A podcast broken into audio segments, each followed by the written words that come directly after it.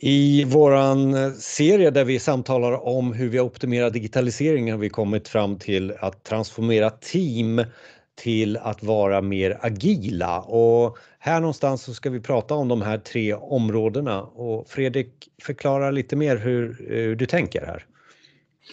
Ja, eh, jag skulle väl kunna berätta eh, sagan om, om eh, frågeställningen här. Det är ju en, en, ett team som, som vi ska försöka få en förändring på. Eh, I det här fallet en agil transformation av eh, till exempel ett testteam. Eh, testteam som, som ska jobba lite mer agilt, vad nu det kan innebära. Eh, och mitt angreppssätt, eh, hur jag attackerar den här uppgiften, eh, det kommer sig lite väldigt mycket av hur vi egentligen tar, vill ta emot en, en patient på sjukhuset. Ehm, det första steget är ju att, att, eh, man försöker samla in så mycket data om patienten som möjligt. Man, man monitorerar ehm, eh, patienten, man, eh, man, man pratar med patienten, försöker förstå var, var ligger problemet någonstans.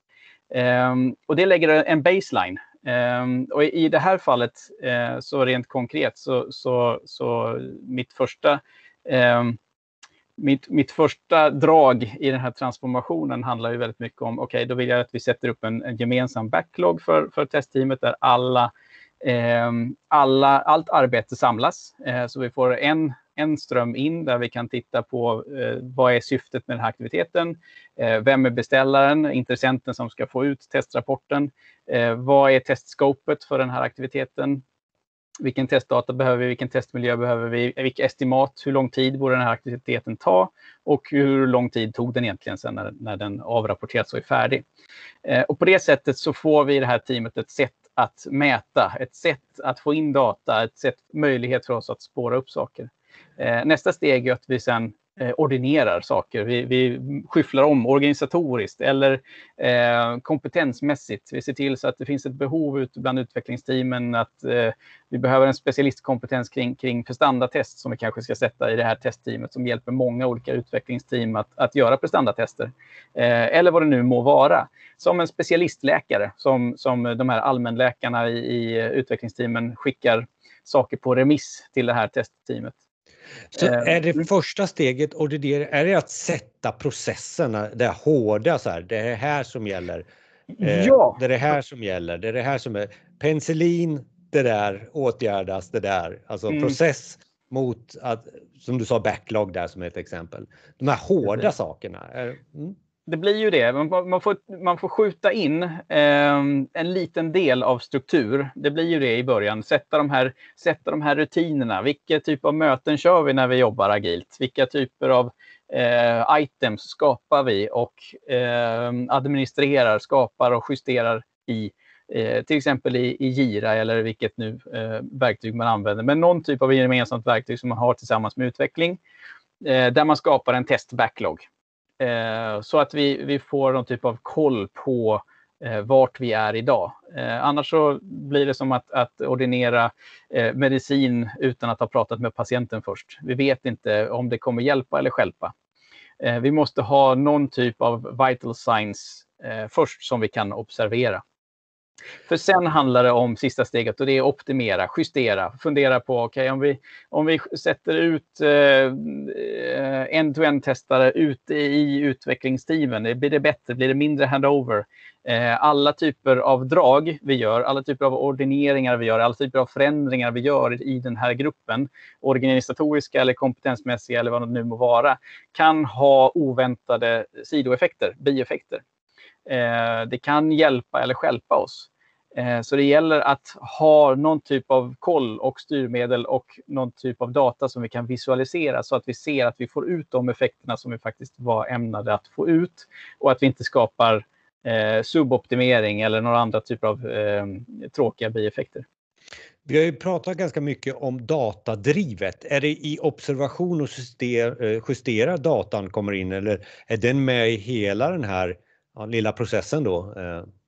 Absolut. Under observationen eller justeringen så inser man kanske att vi, vi saknar data kring, kring eh, viss typ datatyp. Vi kanske saknar eh, källkodsändringar. Eh, vi kanske saknar eh, eh kundklagomål. Eh, för att vi inte riktigt vet vem, vad kunderna klagar på eller vad de har klagat på. Eh, vi, vi, inser att vi behöver mer data för att se hela bilden och det gäller också att justera vilka typer av datatyper du samlar in. Oftast är det ju så här när man eh, jobbar i organisationer som ska bli, eller team som kanske har jobbat traditionellt eller utspritt och inte fått eh, ordning på sina processer, så är mm. det egentligen de här tre stegen. Sen är det ju mycket under också. Men mm. alla de här tre kan man också säga är en, ett, minds, ett kulturförändring, ett mindset. Ja, absolut. Eh, och det jag försöker med den här liknelsen är att få bort det här mindsetet att, att eh, processen är som en maskin med kugghjul och det handlar bara om att hitta rätt kugghjul. Eh, det är en, en, en, ett ekosystem av en organisk organisation där, där vi inte vet exakt vad, vad som sker om vi börjar ändra. Så det är ett experiment. Det, allting är små experiment som vi gör hela tiden. Eh, och det är, ingen, det är inte hårdvara utan det är mjukvara. Det är människor vi pratar om här. Eh, det handlar om att, att lyfta upp det som man, vi kallar för systemiskt tänkande eller systemisk förståelse. Att för varje action så är det en reaktion eh, som, som kan ske som vi inte riktigt vet i förväg vad den, vad den må vara.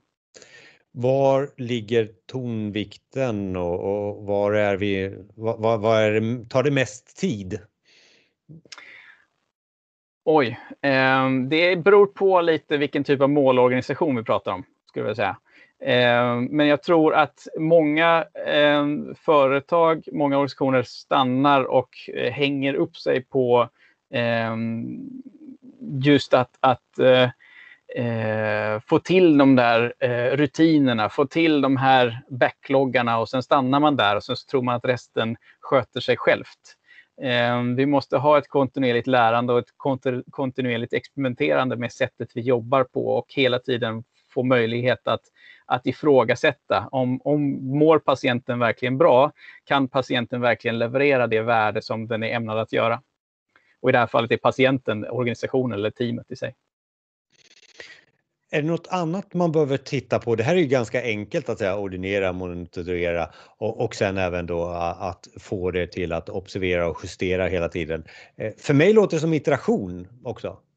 Absolut. Det, det är en, en, iteration och det är det som är, är, lite har med livet att göra. Eh, alla har vi en vilja att bli bättre, att må bättre, att göra eh, större saker. Eh, så att det, allting går i cykler och har man löst ett problem så, så, hittar man säkert sju andra problem som man, vill, som man vill fokusera och hitta en lösning på. Den här videon finns också som eh, podcast, inte så visuell då förstås, men den här bilden lägger vi ut även där som, eh, som en referens. Och sen stämmer jag och eh, Fredrik oftast på olika saker som vi ser i våran eh, närhet runt omkring hur vi kan optimera arbetet runt omkring det som är digitalt eller digitalisering. Tack så mycket Fredrik! Tack Jonas!